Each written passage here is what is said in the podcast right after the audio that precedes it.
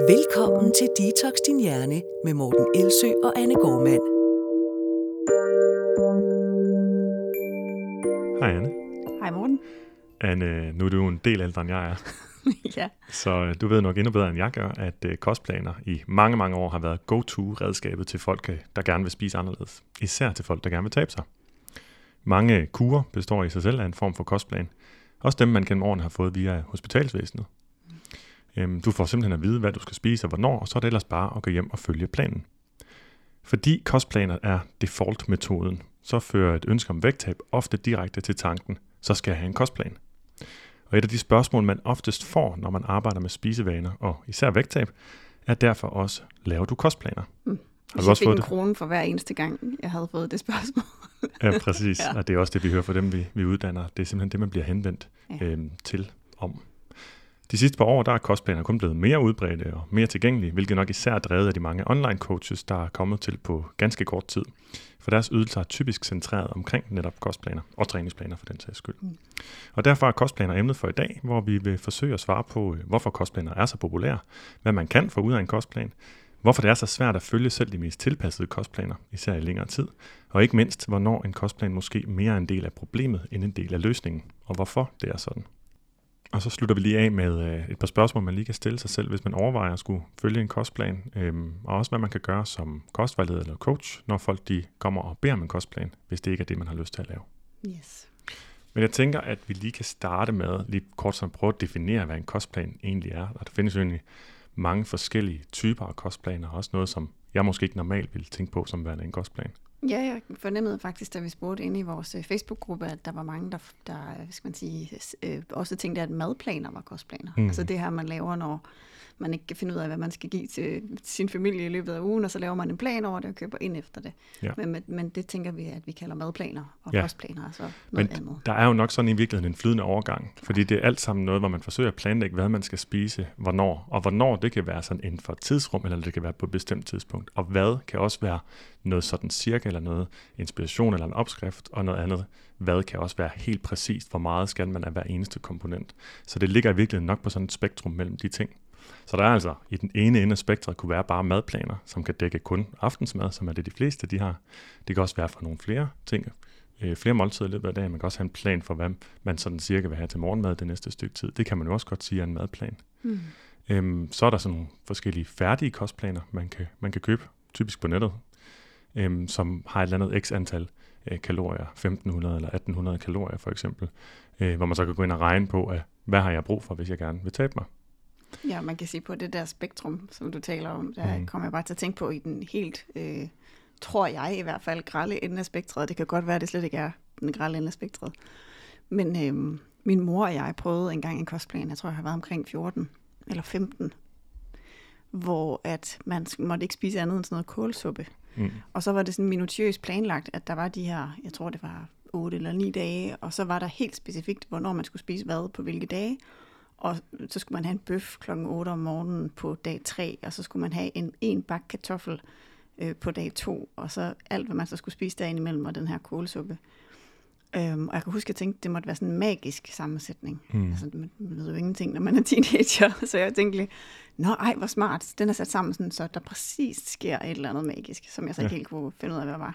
Jeg nåede kun til dag tre, og jeg kaste op der og spise den der bøf til morgenmad. Men, øh, ja. ja. og, og der er vi selvfølgelig forskellige bøf til morgenmad, vel for nogen øh, men det er jo så det, der er sådan en de fælles, de ting, vi kan sige om de kostplaner, typisk, eller sådan generelt, er jo, at det er jo, det er jo ikke altid lige tager hånd om den enkeltes præferencer. Der er jo sådan nogle mere sådan skræddersyede øh, kostplaner, hvor de så nogle gange er knap så skræddersyede, har man så set eksempler på. Der har været nogle sager i medierne, hvor der er nogen, der siger, at du får du, man, man køber en skræddersyet kostplan, mm. som skulle være specielt designet til højde for dine præferencer osv., men så får man egentlig noget mere standardiseret. Og der findes garanteret nogen, der er rigtig skræddersyet, så det vil ikke absolut øh, skære alle over en kamp.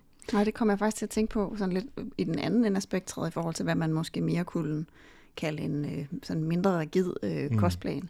At en af mine allerførste klienter, jeg havde, han øh, bad om en kostplan, ikke bare sådan, altså men for hver uge så for hver dag, for hver uge i månedsvis, måske mm. et halvt år, sad jeg og lavede kostplaner hver uge til ham og hans familie.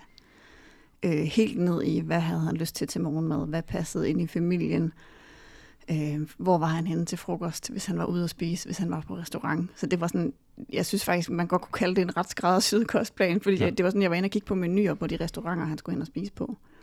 Hvor at... Lidt øh, overachiever, han, tror jeg. nej, men det var det, han bad om jo. Okay. og jeg vidste ikke rigtigt, jeg var lige fuldstændig nyuddannet.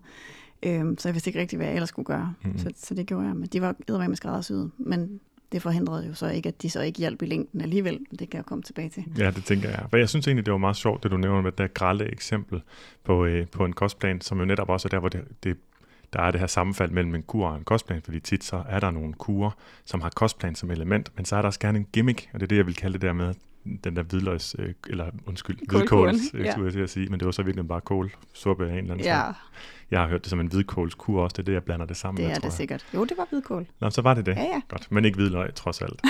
Ej, det kunne også blive voldsomt nok. Øhm, men der er ret mange andre af dem, og en af dem, som jeg har stødt på øh, tit, det er ikke for nylig, men jeg har fået den tilsendt nogle gange, det er sådan en, der hedder 28-dages kuren, og den, den har også et andet navn, der hedder Cell Reset, som er sådan, øh, uh. netop appellerer til det pseudovidenskab. Det lyder fancy. Ja, så det er sådan en anden udrensningsdiætkur, og det sjovt ved den, nu havde jeg havde printet den, øh, og så har jeg glemt at få den med, øhm, men der er det bare mål, måltid for måltid. Her skal du spise kun én appelsin. Her skal du spise næste, næste morgen til samme måltid, skal du spise to æg. Til frokost skal du spise en slags frugt. Du kan vælge mellem fem forskellige frugter, men du må kun spise en slags. Og det der så, altså der er hele tiden hver eneste måltid, er, er, er, er præcist defineret, hvad det skal være. Man må ikke spise andet end det. Du må ikke bytte rundt på nogen måltider. Du må ikke spise det, du skulle tirsdag om onsdagen eller omvendt. Så du skal hele tiden følge den plan, og det der så står på første side, det er, sådan skal du gøre. Så er der sådan 27 punkter eller sådan noget, du skal følge ud over selve planen. Og en af dem, et af punkterne er, hvis du fejler bare én gang, hvis du på et tidspunkt kommer til at bytte noget ud, kun spise et æg i stedet for to, spise appelsin i stedet for, øhm, nu skal jeg finde på en anden frugt, og det kunne jeg ikke lige bestå, æble, jamen så skal du starte forfra. Nej. Jo, så skal du simpelthen starte fra dag Det er sådan en slags tortur, torturplan. Hvordan ja. kan man gøre livet mest surt for et menneske? Men det er nemlig det, fordi som du beskrev der før, så får man tanken, der er et eller andet særligt ved det, at ja. der sker noget. Det står der nemlig også i de her en beskrivelse af den kur, at der sker noget, en særlig kemisk reaktion i kroppen, når man spiser på præcis den her måde, som er det, der gør, at det har den her magiske effekt. Hvilket selvfølgelig er, og her tillader mig at bruge et ord, jeg bruger lidt sjældent efterhånden, 100% bullshit. øhm, og dem findes der en del af i øvrigt. Så er der også nogle klassiske fitness-kostplaner, som dem, der skrev med hinanden på nettet, øh, før der var Facebook og så videre, også kender. Sådan klassisk bodybuilder øh, kostplan, som bare er ris og kylling, eller hvid broccoli. fisk og broccoli, eller spars. Typisk bare ris, hvid fisk og spars til alle måltider i månedsvis. Øhm, og det er jo ret vildt. Det må man sige. Øhm, og det vender jeg lidt tilbage til, fordi der er noget med, at det er sådan lidt, at det er sådan lidt spildt over. Det hedder det vist ikke på dansk, men det har i hvert fald påvirket, hvordan man tilgår det at hjælpe andre i dag. Det, som man har med af bagage fra fitnessverdenen, og det er lidt sjovt, synes jeg. Ja, men det er jo også altså, det er jo den kan man sige, verden, jeg kommer fra. Mm. Øh, startede jo egentlig som personlig træner og var uddannet kostvejleder. Og begge steder var det jo det, man gjorde. Mm. Selvom vi lærte om sundhedspsykologi på, på uddannelsen, så, så lærte vi også at lave kostplaner. Ja. Og, øhm, altså, og, og ja, det var jo helt vildt rart. Ja. Det var helt vildt fedt, fordi når man så kom ud og var færdig, så havde man den der følelse af, jamen jeg har noget, jeg kan give. Altså ja. uanset hvor forvirret jeg er, så er der i hvert fald noget, jeg har trænet i at lave, som jeg kan give min klient i hånden. Og så har jeg en følelse af, at jeg har ydet værdi, og så mm. ligger ansvaret ligesom over hos den anden, så har jeg gjort min opgave. Ja, og det er rart at kunne have den følelse. Det, det tror jeg alle os, der arbejder med den blødere tilgang, som vi selv gør, der skal man ligesom være med på også, at vi kan ikke give det der helt konkrete, håndgribelige produkt nødvendigvis, hvor vi også føler, at nu har jeg gjort det, jeg skulle. Men omvendt, hvis man har den tanke, så har man så også, at jeg bliver nødt til at give det produkt, og så er der ikke andre ting. Altså jeg kan ikke være tålmodig på samme måde, eller indgå på samme måde i processen med, med klienten, når man ligesom siger, nu har jeg givet mit, så skal du gøre dit. Mm. Øhm, lige i forhold til sådan nogle fællestræk, som jeg synes, vi lige skal omkring, nu var vi lige lidt i øst og vest med de her forskellige typer af kostplaner. Så fællestrækket ved alle typer af kostplaner, det er jo, at det er på en eller anden måde noget uden for dig, der bestemmer øh, mængden og, og hvad du spiser. Øhm, og det er så uanset om det er gram eller det er håndflader, man bruger til at måle, så bruger man ikke sin øh, sult eller sin mæthed til at vurdere, om der skal mere eller mindre mad ned i maven. Nej, og den du nævner her i forhold til, altså det er jo kan man sige, på den ende af spektret af planer, hvor det er så øh, frit, som det nærmest kan blive, hvis man stadigvæk kan kalde det en plan. Men hvor man for eksempel, det er bare til dem, der ikke kender de her metoder, hvor man øh, ved, at man skal spise fire tre eller fire måltider hver dag, og så må man få øh, svarende til, hvad der kan være på ens håndflade af eksempelvis øh, ris, pasta, kartofler, og hvad der svarer til en knyttet hånd for eksempel af, af kød og fisk. Og, og mange har jo den her sådan, jamen, det giver jo god mening, fordi så er det trods alt ikke gram, og det er nemmere, og det er et mm. skridt i den rigtige retning, og det er jeg sådan set også enig i, eller det tror jeg, vi begge to er, at det, det, mm. jo mindre rigidt, jo bedre. Men, øh, men ligesom med alle andre planer, så det du siger også, det er, det der karakteriserer dem, det er, at når noget best, udefra bestemmer øh, indholdet, fordelingen øh, af det, du skal spise, og hvor meget du må spise, og hvornår du skal spise det, mm. så er det en kostplan. Og det, det, der har vi selvfølgelig nok også en bias, og det må vi også bare være helt øh, klar over, at hver gang vi kan mærke, at man forsøger at eksternalisere det, i stedet for at mærke det interne, så, så føler vi ikke, at det er noget, der nødvendigvis hiver i den rigtige retning for langt de fleste mennesker, og i hvert fald dem, vi har beskæftiget os med. For dem, der har det været givet mere mening at sige, hvordan kommer jeg bedre i kontakt med min krops egentlige signaler. Altså vende fokus indad i, den, i det her tilfælde, i stedet for udad på noget, der skal ligesom vurdere for mig, hvor meget jeg skal have med øh, hernede i min mave, og hvad det skal være. Ikke? Jo. Ja. Og så er der selvfølgelig også det fælles træk, at de fleste, de typiske kostplaner, de tager jo ikke højde for præferencer, eller især ikke appetit. Nogle gange præferencer, men ikke appetit, netop fordi, at de ligesom er defineret på forhånd. Og det giver jo egentlig god nok mening, fordi man har ideen om, at skal man tabe, så skal man sulte lidt, og skal man tage på, skal man overspise lidt. Mm. Og det giver jo også fysiologisk mening, øh, ja. men det gør det bare svært at følge. Det gør det, og det leder os måske lidt hen til det, øh, som vi snakkede lidt om før, det her med, jamen, hvorfor er det egentlig, man vælger øh, kostplaner, og, og jeg var lidt inde på det her med, hvorfor man vælger det som, som coach. Altså, det giver god mening, man føler virkelig, at man kan give noget af værdi, øh, og man kan også stå inden for det fysiologiske i det, og man mm. ved, at det her det kommer til at virke, hvis du bruger det. Men når det så er fra klientens perspektiv, hvorfor man vælger at, at, at prøve en kostplan, mm. så er det jo tit fordi, det har jeg i hvert fald hørt rigtig mange gange, at, at øhm, klienter har sagt, at jeg tror bare, at så vil jeg endelig få fred i hovedet. Ja. Fordi så skal jeg ikke hele tiden tænke over, hvad jeg skal spise. Så står det ligesom bare på det der papir. Og så kan jeg tage det her forfærdelige kaos af, hvad må jeg spise, og hvad må jeg ikke spise, og er det godt nok, og er det ikke godt nok.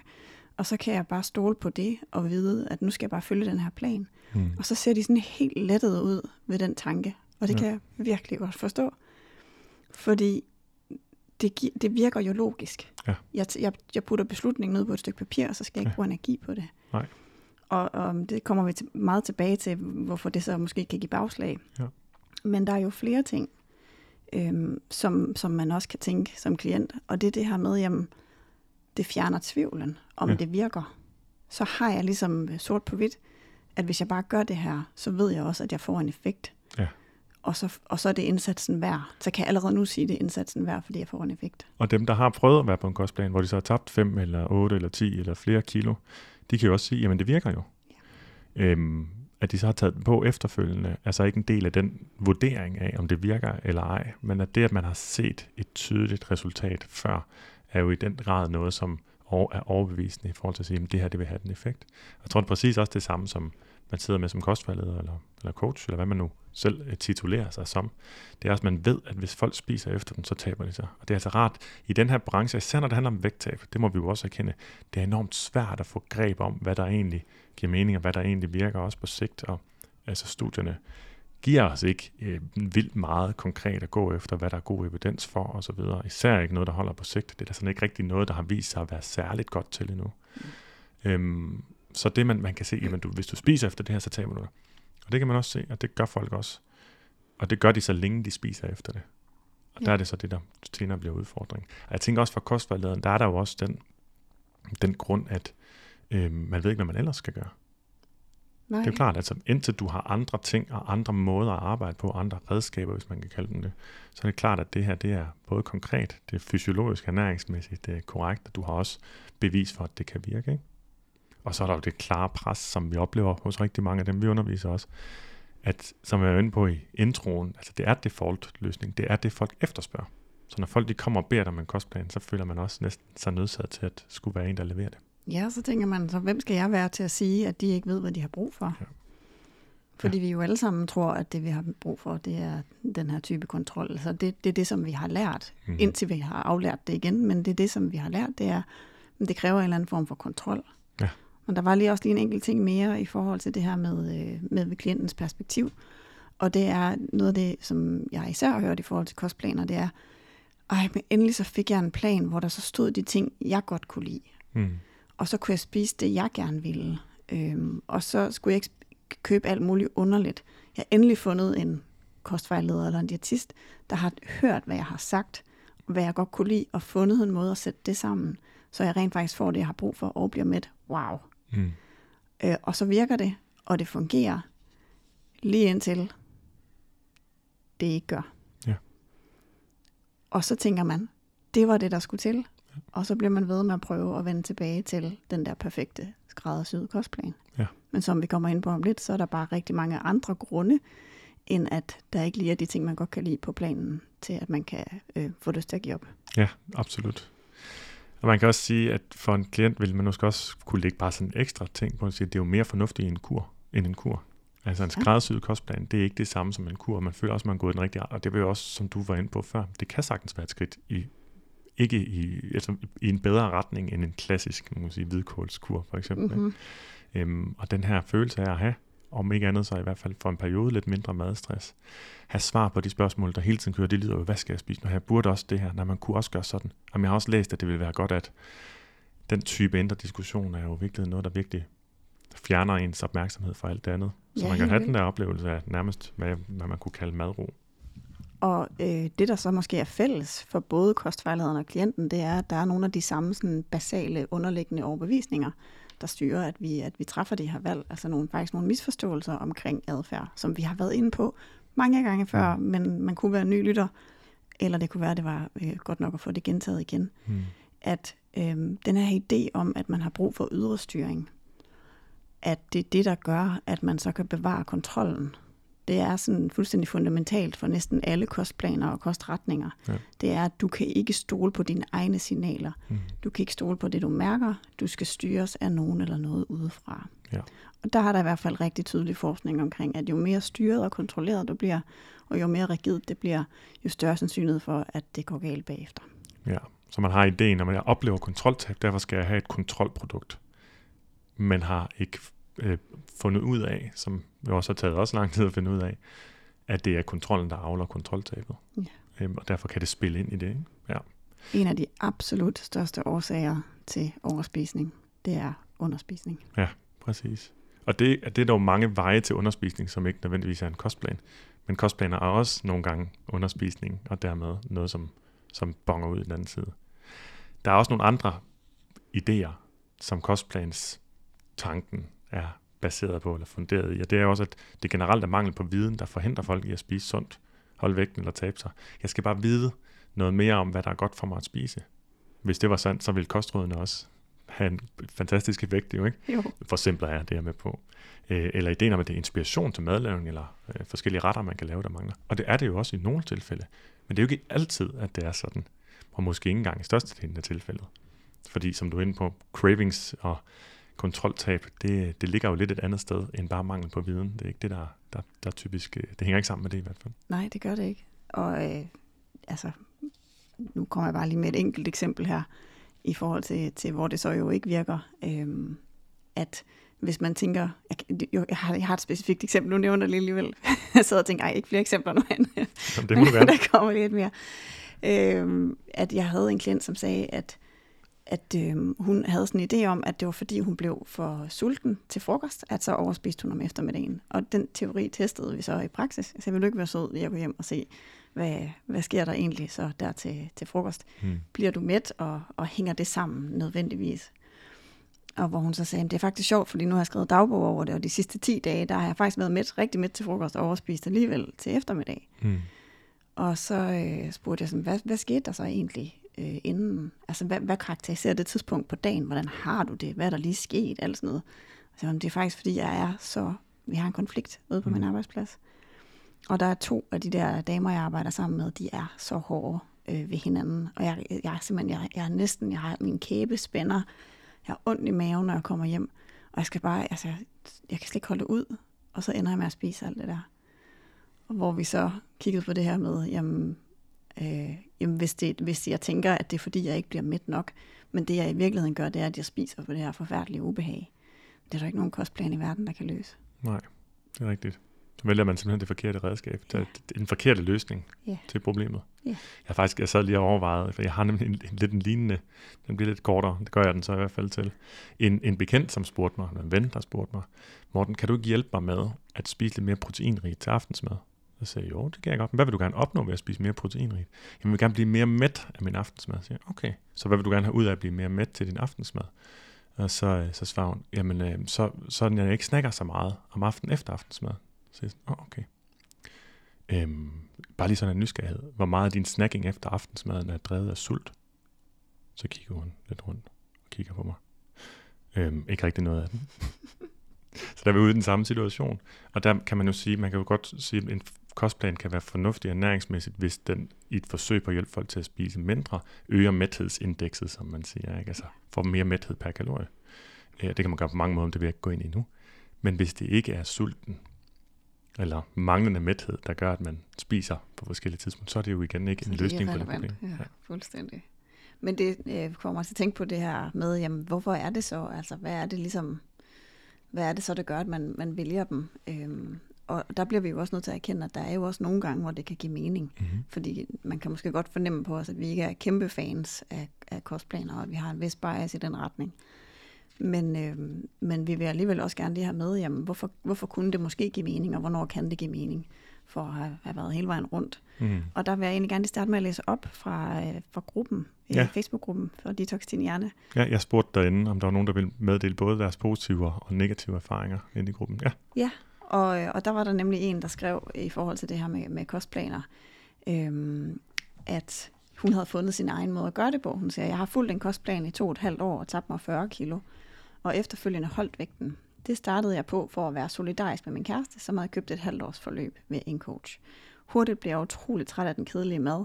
Til gengæld kunne jeg rigtig godt lide det overblik og den ro, som planerne gav mig. Jeg valgte derfor at lave mine egne opskrifter, bygget om øh, et fast kalorieregnskab, så de blev basen for min egen personlige kostplan med alt det mad, jeg allerbedst kan lide. Mm. Bare enten i begrænsede mængder eller kaloriereduceret. Mine planer sammensættes for en uge ad gangen ud fra min samling af opskrifter. Det tager udgangspunkt i et antal kalorier, jeg har valgt, øh, og der er ingen forbudte fødevarer. Der er plads til alle mine planlagte måltider, kan tilsidesættes for en middag på restaurant eller sociale arrangementer. Her prøver jeg dog at mærke efter, hvad jeg reelt har lyst til, og om min mæthedsfornemmelse. Og alt i alt, så synes jeg, at min personlige udgave af at følge en kostplan, samtidig med, at jeg har taget virkelig mange af tankerne fra jeres podcast til mig, har været og fortsat er en stor succes. Ja. Og det der, da jeg læste det, så tænkte jeg, jeg skal også virkelig huske nogle gange ikke at blive for øh, rigid i, i min, øh, jeg synes ikke kostplaner er noget værd mm-hmm. tankegang. Fordi at, at øh, der er sådan et begreb fra ACT, som hedder øh, altså funktionalitet eller workability. Mm. Og det er den her grundlæggende tanke om, jamen hvis noget virkelig fungerer og gør dit liv bedre, så ja. er der ingen, der kan komme og sige, at det er forkert. Nej. Og det her virker jo til at have gjort øh, vedkommendes liv indtil videre i hvert fald bedre og, og at hun har fundet en måde at gøre det på, som er fleksibel. Ja. Så fleksibel, som man nu kan gøre fra ja. plan. Og det er, jo det, det er jo det, man kan sigte efter, hvis, hvis alt det, der typisk går galt, det er, at noget det er rigidt. Så kan man sige, hvordan får jeg et fleksibelt forhold til det? Hvordan kan jeg gøre noget, der er fleksibelt? For fleksibelt er tit at sidestille med, at det er noget, der giver frihed, i stedet for at fratage en det i hvert fald. Jeg synes også, jeg har været et, et sted også før, hvor det har været sådan, at alt skal være intuitiv spisning, for eksempel. Altså hvor man kun navigerer efter sin sult og mæthed og præferencer, og aldrig må bruge nogle kontrol, kontrolstrategier. Men det bliver også sådan lidt, som om man vælger på andres vegne, øhm, og det er egentlig ikke særlig klientcentreret. Klientcentreret vil være, at man for den enkelte, eller hjælper den enkelte, hvis man arbejder med det, til at vurdere, hvad vil bringe dig mere i retning af det, som vi vil kalde madro. Altså hvor tanker om, om mad og vægt ikke står i vejen for det liv, man gerne vil leve, og den person, man gerne vil være. Øhm, så hvis vi vurderer det ud fra det, så kan vi egentlig være lidt mere frie øh, til at, at øh, benytte os af forskellige metoder, i stedet for at stemple nogen inde og nogen ude sådan på forhånd. Mm. Ja, og noget af det, som jeg også lidt tager med mig fra den besked, som, øh, som jeg lige læste op før, det er det her med, at, øh, at der jo er nogle positive ting, man rent faktisk kan få ud af en kostplan. Og, og noget, jeg især læser her, som jeg tror er meget øh, normalt, at en kostplan kan give, det er den her følelse af en stabil struktur. Mm. Og det er jo noget af det, som vi anbefaler til, jamen, til alle, om de under- eller overspiser. Det er at begynde at få en eller anden form for god rytme ind i sin hverdag, hvor man får spist stabilt og får spist ting, man godt kan lide. Mm. Øh, hvilket jeg tror er en af årsagerne til, at den her kostplan specifikt har været god. Så den har både understøttet det her med, at der var en god måltidsstruktur, men også at de ting, som man normalt ville kalde forbudte, eller havde taget af sin det må jeg få liste på alle sine kurer. Men det er ligesom øh, blevet, det er blevet lavet på en måde, hvor der ikke er noget, der ikke kan indgå. Og at man kan jo også lære, altså at bruge det her, hun skrev med kaloriereducerede øh, måltider, at der er faktisk rigtig mange ting, der smager rigtig godt, som mm. ikke øh, er, er, er kaloriebomber er bedre, mm. mangel på et bedre ord. Øh, at der faktisk findes mættende måltider, der smager rigtig godt. Ja. Det er så, faktisk lidt mellemvejsagtigt, ja, ikke? Ja. Det, det, det, øh, så på den måde, hvis man ikke har en, øh, en skidt efterreaktion på en kostplan, og man kan gøre det på den der måde, så kunne man måske godt se meningen i det. Og det var det, som var det største fællestræk. Folk var enormt gode til at svare nuanceret. Det var heller ikke bare sådan, altså der var også masser, der, der gav os bare deres egen oplevelse, men det var sådan, jamen der er det her, der er godt, og der er det her, der ikke fungerede så godt. Og det, der var fællestrækket inde i gruppen, det var netop, jamen det gav lidt den her følelse af lidt mindre diskussion og lidt mere øh, struktur. Jeg tænker også noget, som ikke blev nævnt deri, men nu nævner du stabil måltidsstruktur. Og det snakker vi om i de her seks veje til mindre overspisning, tror jeg. Ja, den episode, yes. Ja. Og der er en af grundene er jo også, at det, til at det er så, virker så godt for folk, og som et typisk første skridt for rigtig, behandlingen af, af BED, øhm, det er, at, øh, at man netop undgår oversult. Så det der med, at nogle gange skal man spise mere, hvis man gerne vil spise mindre, det handler virkelig om at spise jævnligt, i stedet for at springe en masse måltider over, som er det der mere kaotiske spisemønstre, som rigtig mange øh, oplever at være i. Ja, og der er faktisk en lille, et lille eksempel mere, det er meget kort, så det tænker jeg godt, at jeg lige kan læse op, som øh, er en, der skriver, at øh, i dag er jeg ved at være ude af mange år med BED, og har stadig et ønske om at reducere min vægt hen ad vejen. Så jeg har fokus på et stabilt måltidsmønster, og i perioder, hvor jeg har det, hvor jeg har det sværere, gør jeg det nemmere for mig selv ved at lave en plan i situationstegn, så mm. jeg fra dag til dag ved, hvad jeg skal spise, og ikke skal vælge hele tiden. Det er ikke en ufravigelig plan, men den sikrer, at indkøb er på, og så videre er på plads. Ja. Så en plan kan være rigtig god til at slukke for noget maddialog, men i min erfaring skal det være en plan, man selv laver og vælger. Ja, det lyder rigtig, yes. rigtigt og fornuftigt. Altså det her med at finde en måde, hvor ja. at man øh, til gode ser ens behov for selvbestemmelse, hmm. og ens behov for at vælge, hvad man har lyst til selv, men på en måde, hvor det reducerer mængden af madsnak ja. i ens hoved, Jamen, så kan det jo godt understøtte. Absolut. Ja. Og når du siger selvbestemmelse, så bare for den uindvidede, så er det det, altså det, det absolut vigtigste for menneskers motivation, for at man kan blive ved med at gøre noget og føle sig motiveret for det, det er, at man egentlig føler, at man selv har valgt det, selv har bestemt det. Ja. Øh, så alt det, der føles som noget, man ikke selv har valgt, det vil man typisk være imod på den ene eller den anden måde. Men det tænker jeg også, vi vender tilbage til. Der er lige sådan en lille krølle, man lige kan, eller en lille detalje også, at der er nogle situationer, særlige situationer, hvor mere planlægning giver mere mening. Øh, også nogle sygdomme, øh, hvor det kan give mening. Øh, nogle gange skal man, det kan i hvert fald være en vej til at prøve at få bugt med eller reducere symptomerne på irritabel tyktarm, eller IBS, som det også hedder. Der findes sådan en low FODMAP diæt, jeg ved vi har nævnt før, men hvor man skærer nogle ting ud, som kan sætte gang i en, i en trælsreaktion nede i, nede i tarmsystemet, og så prøver at udelukke nogle fødevarer. Og så skal man også lidt spise efter en plan der, for at kunne over, overvåge, hvad giver eventuelt nogle udfald. Så er der situationen med, med anoreksi, hvor man også ligesom skal ja, egentlig tvangsspise. Ja, hvor man nærmest begynder at se mad som medicin, og så ja. kostplanen, det er det, der gør, at man ikke, øh, at ens krop ikke, det, øh, hvad skal man sige, øh, krymper så meget ind, at man hverken kan bevæge sig, eller tænke, eller eksistere. Hmm. Så der kan man godt begynde at se en kostplan som, som medicin, indtil man kommer til et punkt, hvor man ja. måske kan begynde at vælge selv. Og så er der også de sådan lidt mere ekstreme situationer, altså øh, for eksempel fitness-konkurrencer, hvor man skal, jeg vil sige, unaturligt langt ned i fedtprocent. Det er ikke unaturligt, det er jo ikke så præcist et ord, men, men, men så langt ned, hvor kroppen virkelig ikke trives undervejs. Øhm, der bliver man nødt til at gøre noget ekstremt, og så sørge for, at man trods alt får de næringsstoffer, man har brug for, selvom man får så få kalorier som muligt.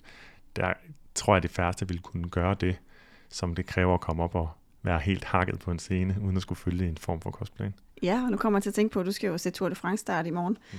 at øh, jeg havde ret, jeg har jo arbejdet med eliteidræt inden, øh, inden alt det her, og havde en del cykelryttere, som stillede op til DM og VM, og, og de var simpelthen nødt til at have en plan. Mm.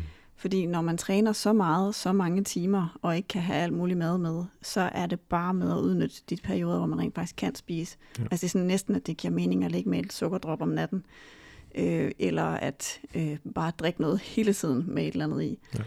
Så for dem var det jo bare, altså de, var, de skulle have en struktur eller en plan for simpelthen at få kalorier nok. Ja. ja. Og nu har vi været omkring, at det er både struktur og plan, øh, detaljeorienterede kostplaner, madplan og øh, hvad hedder det, bare sådan en overordnet idé om, hvad man vil spise, hvornår, så der er mindre diskussion. Så er en masse forskellige igen øh, steder på det her sådan spektrum over detalj, detaljestyring. Mm. Øhm, og også de positive ting, man vil kunne få ud, få ud af det. Men betyder det så, at en kostplan er det rigtige valg for dig, der gerne vil tabe dig? Eller synes dit forhold til mad er kaotisk, eller er forvirret over, hvad du burde spise, hvornår? Og er det overhovedet nødvendigt som kostvejleder, diætist og coach at tilbyde kostplaner som en del af sin hjælp? Det vil sige, ikke nødvendigvis. For der er jo så også en række problemer med kostplaner. Øhm, og jeg tænker lidt, at øh, jeg lige giver dig ordet, Anne, til at prøve at oprise noget af det, som, som du i hvert fald har erfaret. Du lytter til Detox Din Hjerne med Morten Elsø og Anne Gormand. Øhm, altså en af tingene, som jeg lige nævner, inden jeg siger de her forskellige, forskellige problemer og eftervirkninger, det er, at øh, de planer, du taler om her til sidst, hvor de er så styret ligesom til en fitnesskonkurrence, det er jo faktisk dem, vi ser i omløb rigtig mange steder nu. Og det er den type planer, vi også ser på nogle af de her online øh, coach-platformer. Og det bliver vi bare nødt til at understrege. Altså, det er lidt ligesom at, øh, øh, ja, jeg har lyst til at sige, øh, dræbe mus med atombomber eller skyde med kanoner. Det, det er fuldstændig ude af proportioner. Det er slet ikke nødvendigt for et menneske, der bare vil spise lidt sundere eller vil tabe sig lidt. Og det er jo, som vi var lidt inde på tidligere, det er jo også fordi, det er jo nok udspringer lidt af den her fitnessverden, og det er jo tit fitnessentusiaster, der så bliver personlige træner, og så tænker, nu skal jeg også hjælpe andre, og har det her drivkraft, som er super god til at vil hjælpe andre til at kunne få en krop, som er god at være i, og som kan en masse ting. Men det redskab, man selv har med og benyttet hos sig selv, det har været stringent kontrol og styring og planlægning. Og så er det typisk det, man starter med at gå ind i. Og som du også er inde på, det er også det, man lærer. Om man så har taget en, en, en uh, professionsbachelor i næring og sundhed. Ja, det var, jeg ved ikke, hvordan, hvor meget de gør længere, men, mm. men der er det også tit det, det, der ender med at være i hvert fald en af produkterne, eller en kostvejlederuddannelse, der er produktet også til en, en kostplan, så det, det kommer det gør det, og, det, og, og man kan sagtens forstå, at, at det kan give mening, som vi har været inde på. Men øh, det, vi skal tage omkring, det er det her med, jamen, hvad er det så, der kan være problemet undervejs? Altså, hvad er det, der spænder ben undervejs, når man bruger en kostplan? Og hvad er nogle af de her, øh, skal man sige, lad os kalde det bivirkninger på lang sigt. Og en af dem, det er jo, som en skrev inde i Facebook-gruppen, altså livet roterer jo ikke rundt om, rundt om min spiseagenda. Det, det finder man jo hurtigt ud af, når man går på en plan. Jamen, ens øh, moster, der har bagt et eller andet, øh, en rabarbertærte af kærlighed, eller børnene, der gerne vil have koldskål, eller øh, man skal på ferie, og så er der en all you can eat buffet, og de har ikke lige fået memoet om, hvad der stod på ens kostplan. at, altså det, det opdager man jo rigtig hurtigt, medmindre man lever sådan lidt et enspænderliv, hvor man bare er med sig selv. Ja, eller som eller en kultur. fitness, ja, fitnessentusiaster, der måske er en kultur, hvor det er sådan, man gør. Så er det jo ikke noget, der, der Nej, så er det nemt. Så, så når man mødes, så kan man jo have alle, alle sine bokse med, med, ja. med hvad der nu er preppet.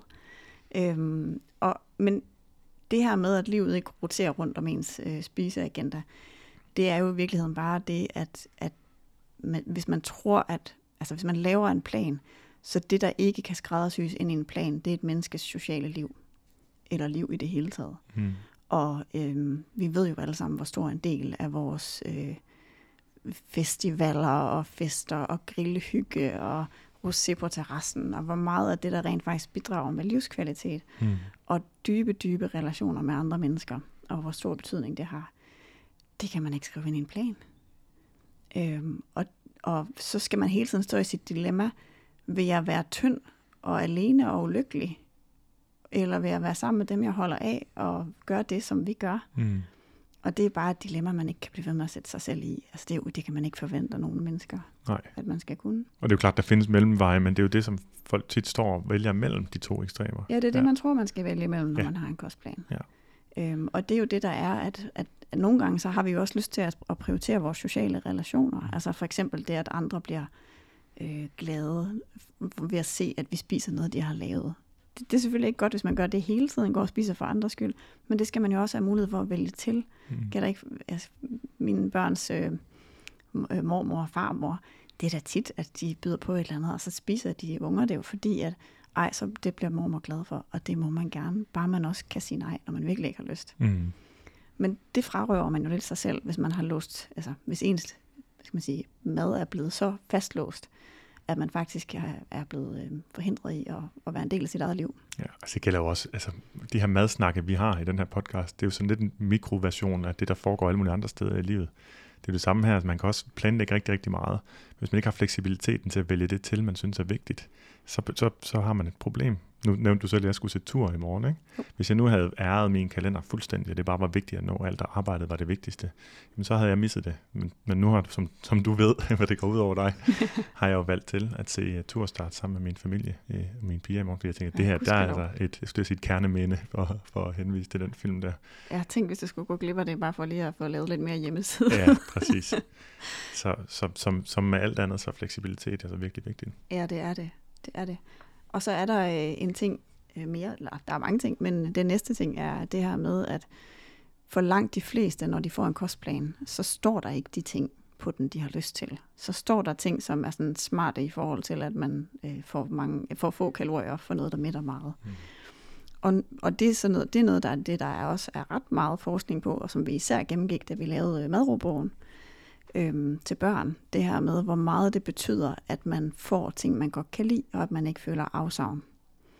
Fordi at vi ved, at man kan få afsavns udløste overspisninger. Altså at man simpelthen ved at nægte sig selv nydelse, kan få sådan en øh, dyb følelse af at gå glip af noget, mm. som så kan tænde, at så man ender med at sige, det kan fandme ikke passe, jeg skal gå glip af alt det. Og det kan det jo heller ikke. Mm.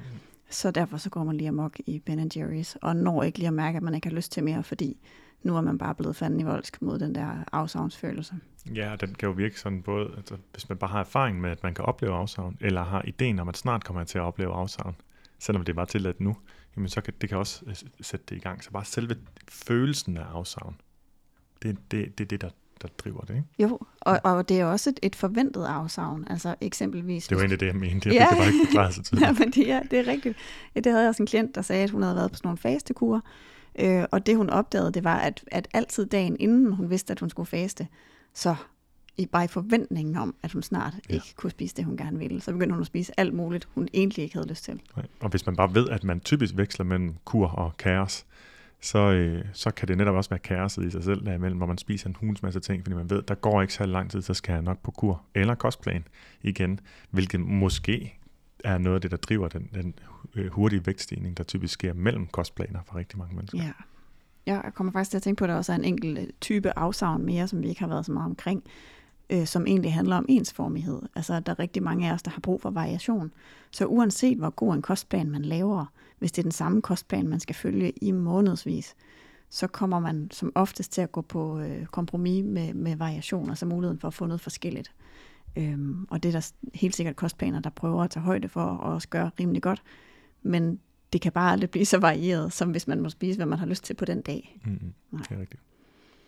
Øhm, en anden ting er i forhold til cravings. Det er jo noget, vi også har lavet en episode om, så det er ikke fordi, vi skal gå så meget ind i dem. Men når, hvis man oplever at have stærke cravings omkring eksempelvis søde sager, eller chips, eller store mængder comfort food, øhm, som man går og fokuserer på hele dagen, så kan man godt have en idé om, at når hvis jeg så har en kostplan, og ved, hvad jeg skal spise, så fylder de der madtanker ikke så meget.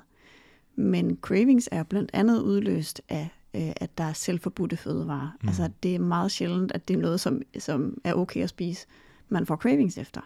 Så når der så står på en plan sort på hvidt, det her må du spise, og så er der noget andet, du ikke må spise, så er det potentielt noget, der kan forstærke ens cravings. Ja, og, og uden at igen gå ind i det, så den korte forklaring på det er, at hvis det, hvis det ikke er forbudt, så er det bare en lyst, og så kan man handle på den, eller mærke efter, ej, det har jeg ikke lyst til, det er noget andet. Hvis man synes, det er forbudt, så går den her diskussion i gang.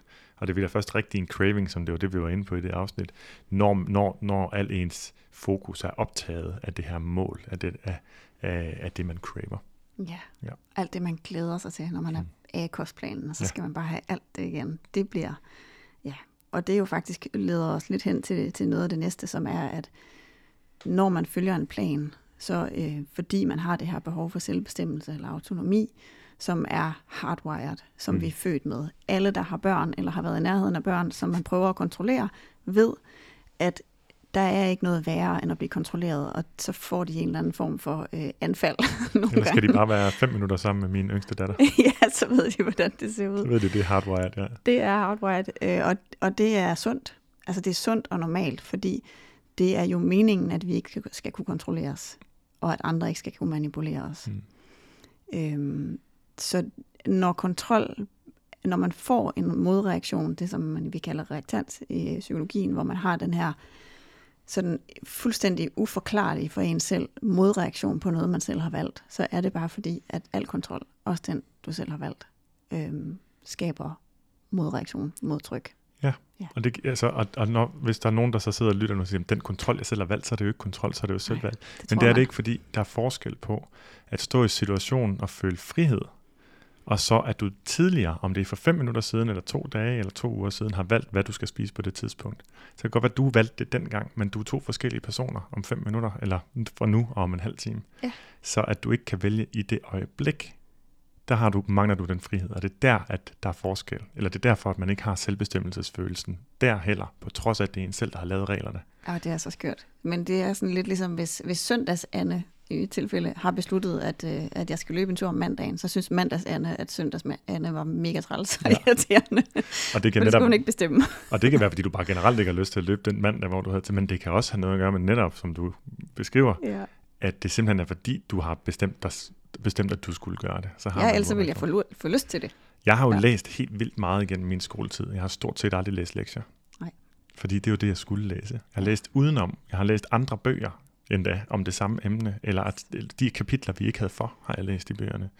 Øh, men, men lektierne, dem, dem øh, åh, der er simpelthen en særlig aversion imod dem. Ja, det skete også for mig på ernæring og sundhedsuddannelsen. Jeg læste alle bøgerne fra psykologistudiet i stedet for. And here we are. Helt og, ja. Men ja, for det føles frit, og noget som noget, man selv har valgt. Ja. ja.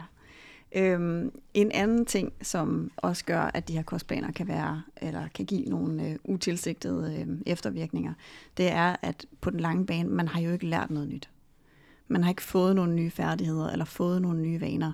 Og det er selvfølgelig med det lille forbehold, at det kan være, at man har lært struktur, og det kan være, at man kan have lært, øh, hvad der smager godt for en, og hvad der mætter osv., så, videre. så det er med, med det forbehold men man har ikke lært nye færdigheder i forhold til sit forhold til mad. Så hvis nu for eksempel grunden til, at du plejer at spise chokolade efter arbejde, det er, at du er udmattet og stresset og frustreret, hvordan skulle en kostplan nogensinde kunne hjælpe dig med det? Mm. Eller hvis grunden til, at du spiser en ekstra portion, det er, at du tænker, ej, det er også lidt synd for min veninde, som har stået og lavet maden, hvis jeg ikke spiser noget mere. Hvordan skulle en kostplan fikse tendensen til at du spiser for andres skyld.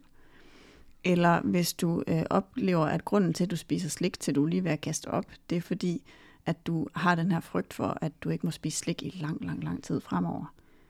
Hvordan hjælper en kostplan på det? Eller, der kommer to mere, mm-hmm. når tanken om, at du skal på kur i morgen, får dig til at spise dagen inden.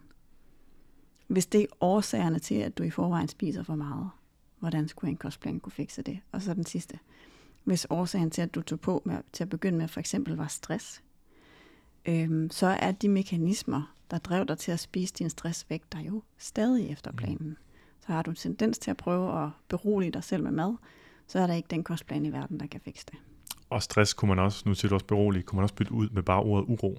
Den her indre uro, nu mærker man så sådan citron bag, bag brystbenet. Hvis man, hvis man dulmer den med mad, men så løses det heller ikke med, øh, med en kostplan. Nope. Så øh, det var i forhold til det her med, at man ikke har lært nye færdigheder. Mm. Men øh, der er et, to grunde mere til, at kostplaner kan give problemer. Og den ene, det er det her med, at man bliver afkoblet fra sine øh, sult- og mæthedssignaler. Vi har snakket om interoceptiv bevidsthed og lydhørighed så mange gange, at jeg tror, at lytterne vil være træt af det. Men, men det er bare så essentielt i forhold til det her med at kunne have en stabil vægt, uden at skulle fokusere helt vildt meget på mad resten af sit liv, det er, at man bliver bedre til at komme tilbage til at kunne bemærke, hvad har jeg egentlig brug for, og hvad har jeg egentlig lyst til. Ja. Øhm, øhm. Og det kan man sige, en, en kostplan gør jo, uanset hvor mange lækre ting der er på den, så afkobler den derfra, at du bemærker, hvad du har lyst til lige nu, fordi der står jo der, hvad du skal. Og eksemplet, du har med tidligere for hende, der har fået det til at fungere på sin egen måde, det var jo også i kombination med rent faktisk at være mere lydhør. Og det synes jeg egentlig er rigtig fint, den der ja, kombinationstilgang, hvor der både er noget, der er planlagt, fordi fraværet af planlægning måske skaber problemer, øhm, og hvor der også er stadigvæk lydhørigheden.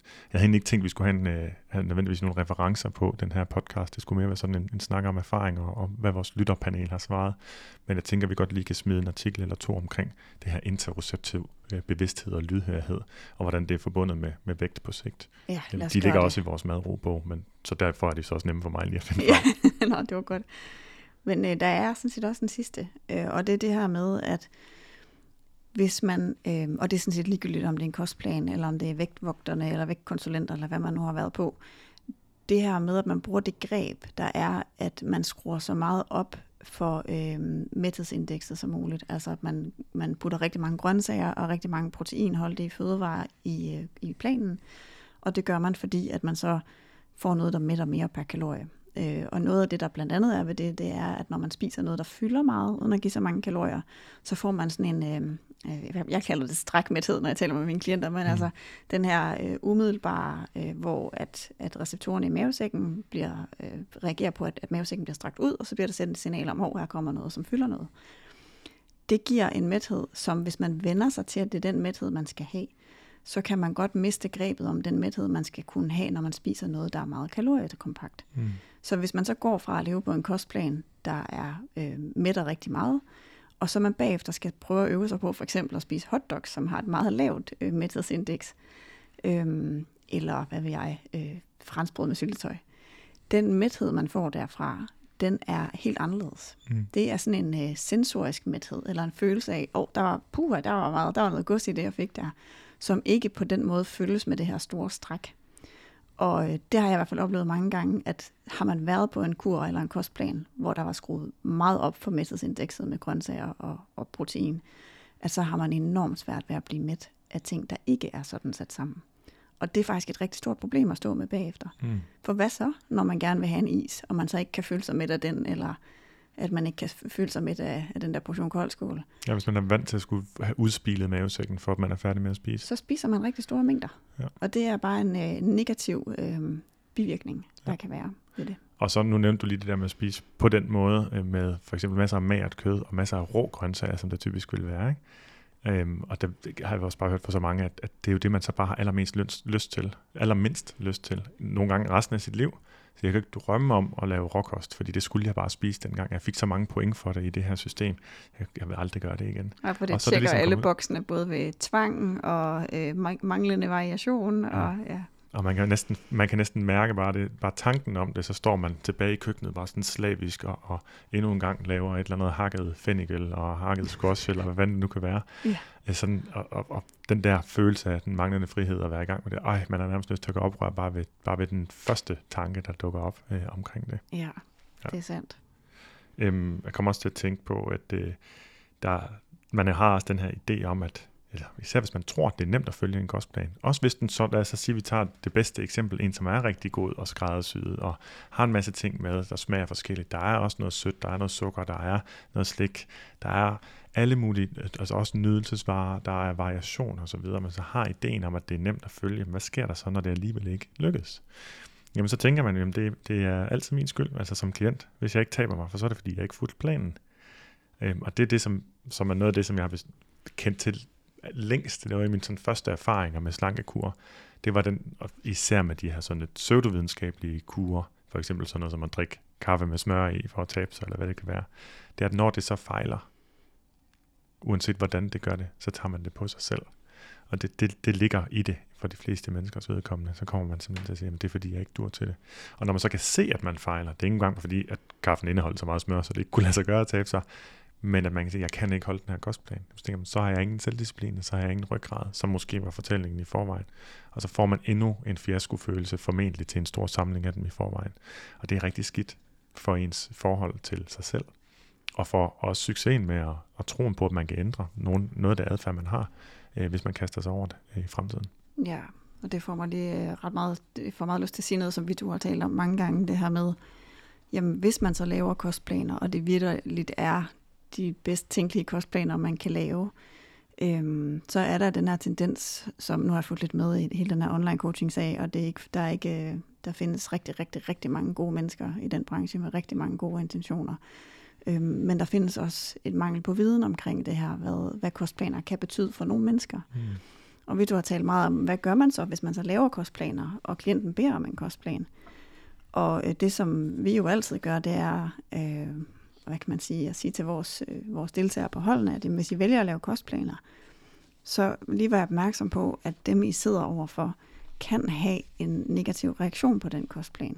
Så hvis I fra starten af forløbet siger et eller andet i stil med, det er helt normalt, når man følger en kostplan, at der er rigtig mange, der får sådan en underlig, uforklarlig reaktion, hvor de nærmest går i trods. Det er ikke sikkert, at det sker for dig, men hvis det sker, så skal du bare vide, det er helt normalt. Mm. Og det kan du bare komme og sige. Ja. Det, det er ikke, så har du ikke fejlet, der er ikke noget galt med dig, der er ikke engang noget galt med kostplanen. Det er bare en helt normal menneskelig reaktion, som rigtig mange mennesker har, det er, at når de kommer på sådan en, en plan, at så får de den her modreaktion. Vil du ikke stå og sige til mig, hvis det sker, så skal vi have fundet på noget andet til dig. Ja, og der behandler man jo så kostplanen som det, vi gør med alle mulige andre ting, som vi også øh, sætter folk i gang med, skulle jeg til at sige, ikke? Når, fordi vi har jo også at gøre med adfærdsændringer. Det er behandlet som et adfærdseksperiment. Vi går hjem og test, hvordan er det her? Hvordan reagerer du på det? Hvordan føles det for dig? Hvad sker der, når du prøver? Og så øh, vender, vender vi det næste gang, og så ser jeg, men, hvilken effekt har det haft? Og så øh, reagerer vi selv samlet ud fra det, i stedet for at sige, men så skal du bare tage dig mere sammen, eller det duer ikke, eller så kan jeg ikke hjælpe dig, eller hvad det nu ellers skal være. Ja. ja. Jeg synes lige, jeg vil læse en enkelt ting op inden for gruppen der også. Og det var fordi, der kom så mange af de her svar med folk, der faktisk havde fået det og det ud af det, og så virkede det ikke på den og den måde. Det var sådan meget roligt og nuanceret, og det var rigtig dejligt og fint. Øhm, men der var også en, der skrev noget, som jeg tror rigtig mange vil kunne genkende, så det vil jeg altså lige have med, så man ikke føler sig alene derude. Hun skriver, eller skrev, jeg kan absolut ikke finde ud af at holde en kostplan. Ikke engang en, jeg selv har lavet. Jeg selv når kostplanen indeholder mange nydelsesfulde fødevarer, så fejler jeg, og endda gerne allerede på dag 1. Jeg er utrolig overrasket over, hvor mange der svarer, at de trives med kostplaner. Det var vist heller ikke helt det var også lidt en, en simpel udlægning af det. Det var lige min kommentar. I min hjerne, skriver hun, er kostplaner det samme som regler, og regler vækker min indre rebel. Og det er også, må man sige, det er det, der læner sig tættest op af vores øh, erfaringer med, med klienter, og også noget, som rigtig mange af dem skriver derinde, vil jeg også lige sige. Jeg vil næsten våge at påstå, at det er den mest normale, mest normale reaktion på ja. en kostplan. Ja. Og øh, hvad er det så også, at kostvejledere oplever? Bare lige sådan ganske kort. Jeg havde en snak for en i nogle måneder siden, der hvor vi første gang har snakket om at lave den her podcast med en, der hedder øh, Niklas Vestergaard, som er personlig træner øh, og også øh, arbejder med spisevaner osv., som mange jo gør.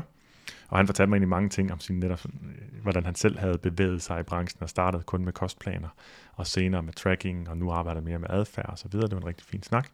Øhm, så, så sendte han lige sådan fire punkter, han opsummerede det, han havde forstået og fortalt mig, så jeg ikke skulle bruge min egen hukommelse, så det var dejligt. Så skrev han, at øh, problemet, eller bagsiden med kostplaner, det var, at folk lærte ikke noget og hoppe direkte tilbage i gamle vaner.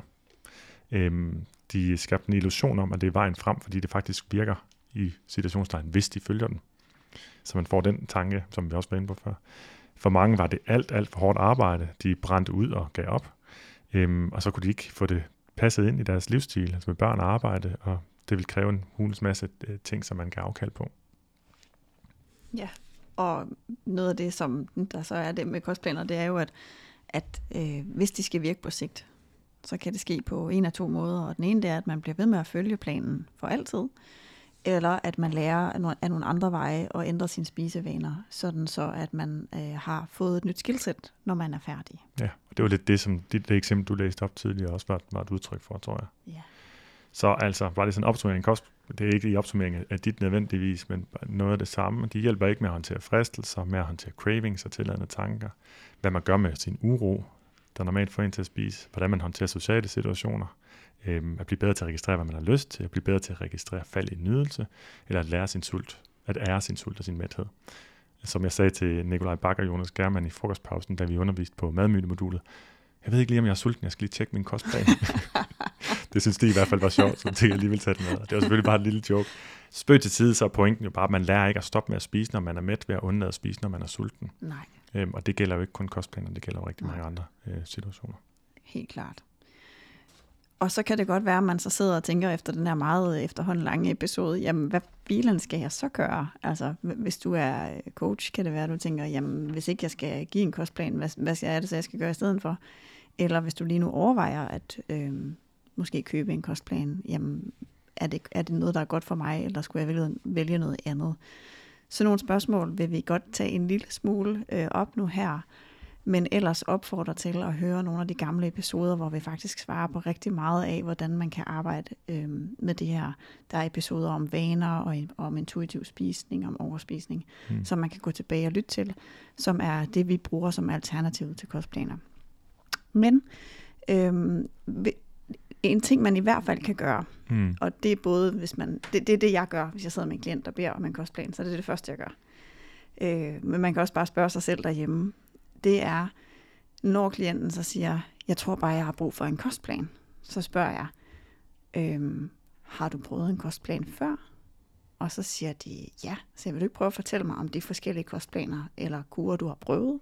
Og så fortæller de typisk om alle mulige forskellige. Og så siger jeg, okay, så hvordan virkede det? Og så siger de, det virkede rigtig godt. Jeg tabte mig rigtig mange kilo, og så skete der det her sådan. Og hvordan virkede det så øh, på lang sigt? Gjorde det det problem, du havde inden værre eller bedre? Altså hvis problemet var, at du spiste mere, end du havde behov for, og så gik du på en kur. Var det problem med at spise mere, end du havde behov for, var det så værre eller bedre mm. efter den her kur eller den her kostplan?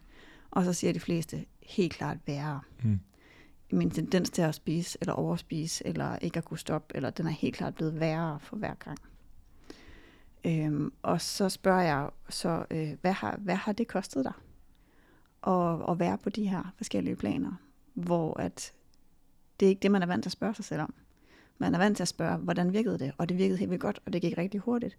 Men man glemmer at sige, jamen, jamen mm. hvad var prisen? Ja. Og de fleste kan godt se, at prisen har været, at man har fået det dårligere med sig selv, man har taget mere på, end man har tabt sig, øhm, og at man i virkeligheden bare reagerer med trods. Så et godt spørgsmål her er, hvordan påvirker det din adfærd, når du har fulgt en plan? Altså ikke, ikke undervejs, men når du har fulgt en plan, hvad siger din erfaring der? Fordi mm. din motivation og dit drive lige nu siger dig, at det virker, men hvad siger din erfaring? Ja. Kig lige tilbage hvordan plejer det at gå bagefter? Og hvis du eller klienten svarer, så plejer jeg at øh, miste kontrollen, så er en kostplan formentlig en rigtig dårlig idé. Ja. Og hvis man allerede godt ved, at man hellere vil, at man ikke laver kostplaner, og klienten, der kommer ind og siger, laver du kostplaner? Eller jeg vil gerne have en kostplan. Så i stedet for at sige, jeg laver ikke kostplaner, eller nu skal du høre, hvorfor jeg ikke laver kostplaner, eller nu skal du høre, hvorfor kostplaner er en dårlig idé, som alle sammen er tidspunkter, hvor man så belærer i stedet for at få noget at vide, så kan man stille det simple spørgsmål, hvad er det, du gerne vil, hvad vil du gerne have ud af en kostplan? Altså, jeg vil gerne tabe mig. Og så kan man derefter spørge til det, okay, så øh, ved du, hvad der, hvad, hvad der skal til for, at man taber sig, hvad der påvirker vægten. Og så kan man have en snak om, jamen, jamen der er noget med, at jeg skal spise noget mindre. Så, hvornår, hvornår spiser du, kæmper, du, kæmper du lige nu med at spise mere, end du egentlig har, har lyst til, at spise mere, end øh, din sult egentlig dikterer, eller bare på andre følelser end sult. Og så kan man lige så stille begynde at lære om, hvad er det, klienten egentlig har udfordringer. Og så kan man faktisk lave noget, adfærdseksperimenter, på præcis de udfordringer, som klienten har. Og der kan det selvfølgelig også give mening at sige, øh, altså, jeg kan ikke love dig, at du taber dig den, med, med det, ved at, ved at ændre på, på nogle af de her ting. Men vi kan arbejde med de vaner, der lige nu betyder, at du spiser mere, end du har brug for. Og jeg kan vejlede dig om, hvilke spisevaner, der typisk er forbundet med vægttab. Og så kan vi prøve at give os i kast med nogle af dem og se, hvad der sker. Ja, og det, det, som du fortæller her om, det er det, som, som vi i virkeligheden måske kunne kalde det, at man oversætter ønsket om en kostplan til adfærd og vaneændringer. Altså man ja. går fra, fra ønsket til at kigge på, hvad kan det blive til af adfærdsmål eller af mm. vaner. Øhm, og hvis man nu for eksempel spørger nogen, jamen, hvad vil du gerne opnå igennem en kostplan, så vil de fleste gerne eksempelvis spise mere stabilt. De, de bryder sig ikke om at være i det der kaos af under- og overspisning. Øh, de fleste vil også gerne lære at spise mindre mængder altså sådan helt naturligt spise mindre mængder, uden at det ender i overspisning. Og der er også rigtig mange, der gerne vil have frigjort deres tanker for alt det her mad. Øhm, og lære at spise efter deres reelle behov, sådan så de ikke øh, hele tiden stiger i vægt. Ja. Og alle de ting, som man ønsker at opnå gennem en kostplan, inklusive vægttabet, kan oversættes til hvad er det for nogle konkrete adfærdsændringer, jeg kommer til at skulle arbejde med. Ja. Og jeg har taget et par eksempler med. Der kunne være 10.000 eksempler, fordi det kommer rigtig meget an på, hvem man er og hvor ens problemer er. Jeg har bare taget dem, jeg møder oftest. Og den ene, det er det her med at arbejde med vaner, øh, der understøtter de ønsker, som man egentlig havde for kostplanen. Og den ene er, jeg vil gerne øve mig i at inkludere noget, der midter, men som jeg godt kan lide i mine måltider. Mm det er en øh, relativt konkret at gå til værks og sige, hvordan kan jeg øh, med en morgenmad, som jeg ville elske og nyde og ikke føle afsavn ved, gøre den mætter lidt mere. Helt lavpraktisk kunne det være, hvis jeg lige så godt kan lide den A38 med øh, 1,5% fedt som den med 3,8, eller jeg lige så godt kan lide øh, at få noget mere frugt i, end at have så meget mysli på, og jeg vil lige så meget nyde det, men jeg får lidt mere mæthedsværdi, jamen så er det en vane, jeg kan begynde at arbejde med her. Mm. Eller hvordan kan jeg øh, i den kantine, jeg er i, skrue op for de ting, jeg godt kan lide, men som mætter lidt bedre. Ja. Så kigger man på det. Jeg havde faktisk en klient for ganske nylig, foregårs tror jeg, hvor det blev en del, øh, det blev det, han ville hjem og teste, og sige, han havde den idé, som jeg også har haft med grøntsager, at dem spiser man kun nærmest, når de er tilberedt eller lavet til et eller andet lækkert, eller blandet sammen, eller med dressing på. Hvor jeg jo måtte erkende, efter min kone begyndte at lave fad med knævgrønt til børnene, at jeg sidder jo bare og kører det ind, og synes, at det er lige så underholdende at spise næsten, som de gør, fordi det knaser også brødt, og det er dejligt. Jeg har ikke lyst til det, når vi sætter os til bordet, men det har jeg, når jeg spiser en portion fed mad. Så det var, ville han faktisk hjem og teste. Altså, det ville også være noget, som rent faktisk gav noget mere øh, mæthed og så ja. må vi bare se, har det nogen effekt, eller har det ikke nogen effekt. Men det er i hvert fald også en konkret ting, ja. hvor der ikke er afsavn. Og på den måde bliver det sådan et, øh, hvad man kunne kalde et positivt tilvalg. Altså noget, man vælger til, som på en eller anden måde gør det lettere af bagvejen, eller hvad man skal sige, mm. i stedet for noget, man skal vælge fra og holde sig selv fra og være striks omkring. Ja. Øhm, der er også en typisk vane omkring slik, som øhm, jamen, hvis, hvis målet med kostplan er, at man skal blive bedre til at lade være med at spise af det slik, så kan man jo også arbejde med sin slikvane på en måde, som gør, at man sænker sin lyst til at spise så meget slik. Ja, og målet med kostplanen vil typisk være, at man slet ikke spiser slik, hvis ja. man skal være helt ærlig. ja. Undskyld den indskudte. Ja, ja men, ja, men det er det, der er så skørt, og det, det vil sige, jeg, øh, jeg ved ikke, hvordan man skal formidle det, så det, så det kan gå klart nok igennem, men det, mig, for mig personligt var blandt selv slik noget af det, der øh, var allersværest, og jeg spiste meget store mængder. Øhm, og, og jeg spiser det hver dag nu, og jeg har aldrig lyst til at spise mere end 3-4 stykker. Og hvis nogen havde sagt til mig dengang, at det kunne blive sådan, så havde jeg tænkt, I er sindssyge, I ved ikke, hvad I taler om, sådan er jeg slet ikke. Mm. Men øh, nogle af de vaner, man kan arbejde med for at komme i retning af det, det er, at man hver eneste dag spiser noget, man har lyst til, som normalt var på ens forbudtliste, men virkelig smager efter og nyder det og bemærker, hvornår daler nydelsen egentlig? Altså, hvornår kommer der det her punkt, hvor, jamen, hvis jeg vidderligt kan spise det til alle måltider hver dag, hele tiden, vil jeg så have lyst til at spise mere?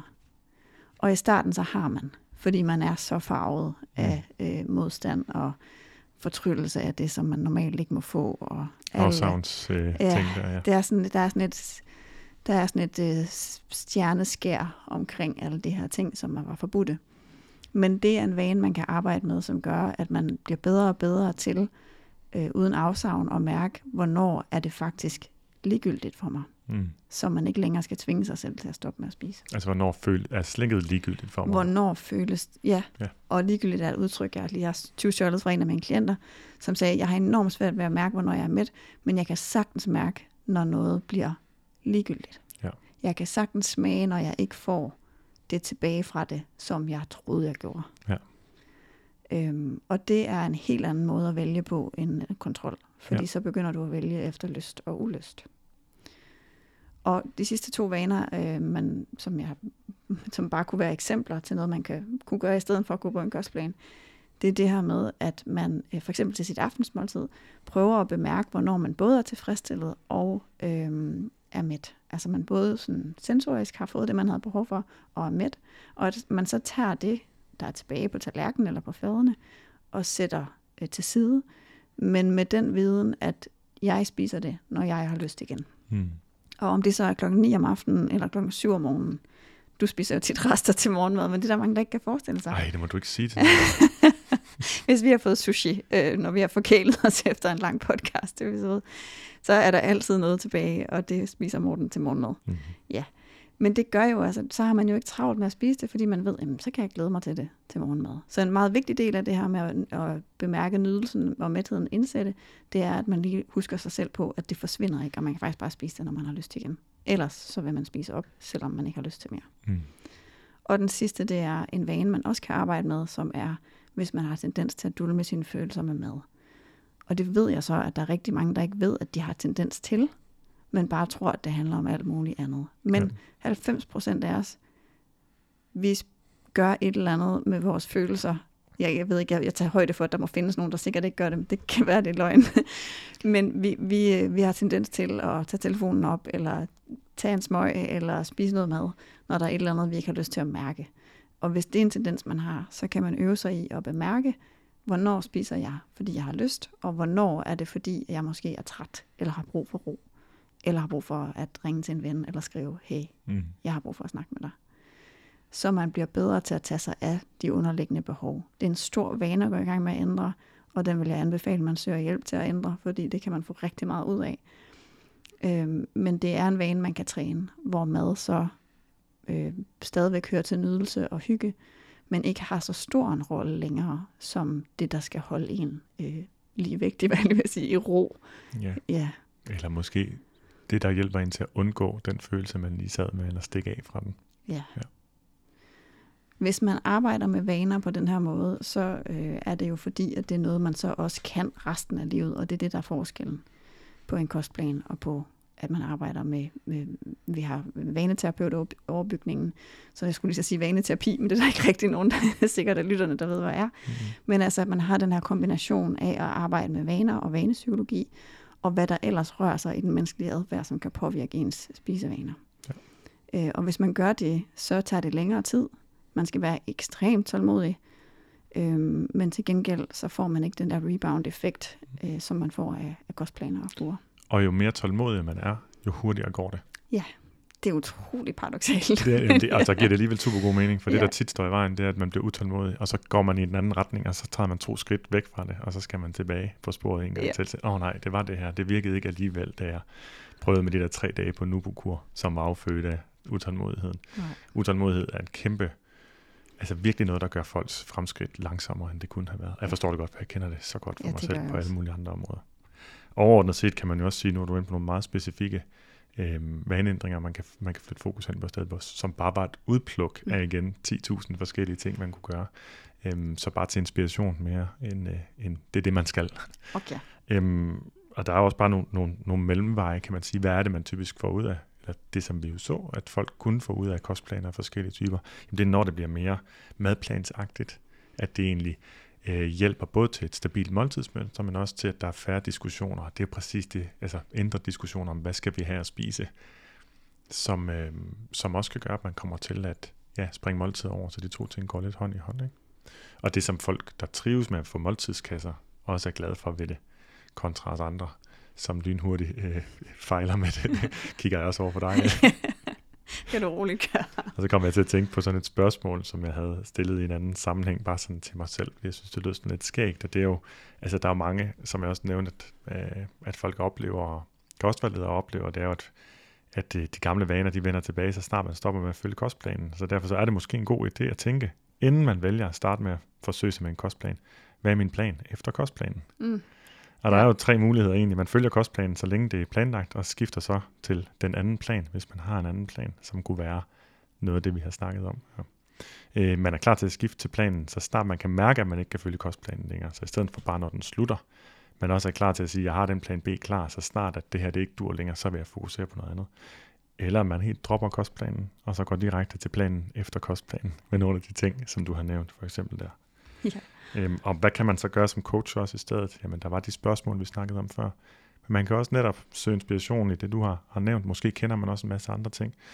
Og så, så længe man kan stille spørgsmål og hjælpe til at få afdækket, hvad er klientens egentlige udfordringer, jamen så er det nemmere at præsentere nogle idéer til, hvad er det, man så kunne gøre i stedet for. Hmm. Helt klart. Nu er vi ved at være ved vejs ende jeg troede, det skulle blive en rigtig kort episode. Det tror jeg ikke, det er blevet. jeg grinede af dig, da du sagde det. Det ved jeg ikke, om du lagde mærke til. Det for det tror du altid. jeg har åbenbart ingen selvindsigt overhovedet. Eller indsigt i, hvor meget jeg også snakker. Nej, det kan også være, det det. det kan sagtens være. Det var i hvert fald, tænker jeg, alt, hvad vi vil sige i den her omgang af Detox Din Hjerne. Som det altid er tilfældet, så er der selvfølgelig mange flere nuancer også til det her emne. Øh, men vi håber alligevel, at du som lytter føler, at du nu har lidt mere indsigt i, om en kostplan egentlig er det, du har brug for, eller om det i virkeligheden er noget helt andet. Tak for i dag, Anne. Tak for i dag. Og tak til dig, der lyttede med.